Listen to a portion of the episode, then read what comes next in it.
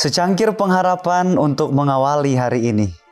Renungan pagi tanggal 13 Februari, Malaikat Agung. Lukas 22 ayat 43. Maka seorang malaikat dari langit menampakkan diri kepadanya untuk memberi kekuatan kepadanya. Perkataan-perkataan Kristus mendandaskan bahwa kita patut menganggap diri kita sebagai suatu ikatan yang tidak dapat dipisahkan dan Bapa di surga. Apa saja kedudukan kita, kita patut bergantung kepada Allah karena segala nasib ada di tangannya. Ia telah menetapkan pekerjaan kita dan telah menyediakan kita dengan kesanggupan dan sarana bagi pekerjaan itu. Selama kita menyerahkan kehendak kita kepada Allah, dan menaruh harap kepada kekuatan dan hikmatnya, kita akan dipimpin ke jalan yang aman untuk menggenapi bagian kita yang telah ditentukan di dalam rencananya yang besar itu.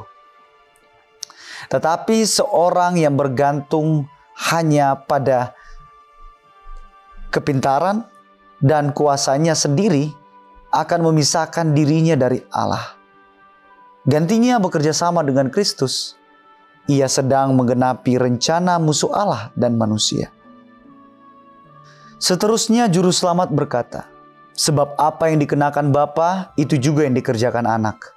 Sebab sama seperti Bapa membangkitkan orang-orang mati dan menghidupkannya, demikian juga anak menghidupkan barang siapa yang dikehendakinya.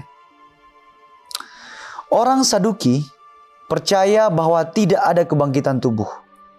Tetapi Yesus berkata kepada mereka itu bahwa salah satu pekerjaan yang terbesar dari Bapaknya ialah membangkitkan orang mati dan bahwa ia sendiri mempunyai kuasa untuk melakukan pekerjaan yang sama. Sesungguhnya saatnya akan tiba dan sudah tiba bahwa orang-orang mati akan mendengar suara anak Allah dan mereka yang mendengarnya akan hidup. Orang Farisi percaya pada kebangkitan orang mati. Kristus menyatakan bahwa sampai saat ini kuasa yang memberikan hidup kepada orang mati berada di antara mereka dan mereka harus melihat kenyataannya. Kuasa kebangkitan sama yang memberikan kehidupan kepada jiwa yang mati karena pelanggaran-pelanggaran dan dosa-dosamu. Efesus 2 ayat 1. Roh kehidupan di dalam Kristus Yesus, kuasa kebangkitannya membebaskan manusia dari hukum dosa dan maut itu. Filipi 3 ayat 10 dan Roma 8 ayat 2. Kerajaan kejahatan diruntuhkan dan melalui iman jiwa dipelihara dari dosa. Ia yang membuka hatinya bagi roh Kristus akan mendapat bagian dalam kuasa yang hebat itu yang akan membangkitkan tubuhnya dari dalam kubur. Seorang Nazaret yang rendah hati menyatakan keagungannya yang sebenarnya. Ia naik tinggi melebihi kemanusiaan, membuang segala samaran dosa dan malu, dan tegak berdiri sebagai seorang malaikat agung, sebagai anak Allah, seorang yang bersama Khalik semesta alam. Para pendengarnya tercengang.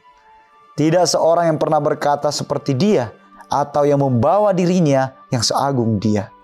Ucapannya terang dan jelas, menyatakan pekerjaannya dan kewajiban dunia ini. Doa kita hari ini. Mari kita menyerahkan kehendak kita kepada Allah. Dan kita menaruh harap kepada kekuatan dan hikmatnya maka kita akan dipimpin ke jalan yang aman untuk menggenapi bagian kita yang telah ditentukan di dalam rencana yang besar itu. Amin.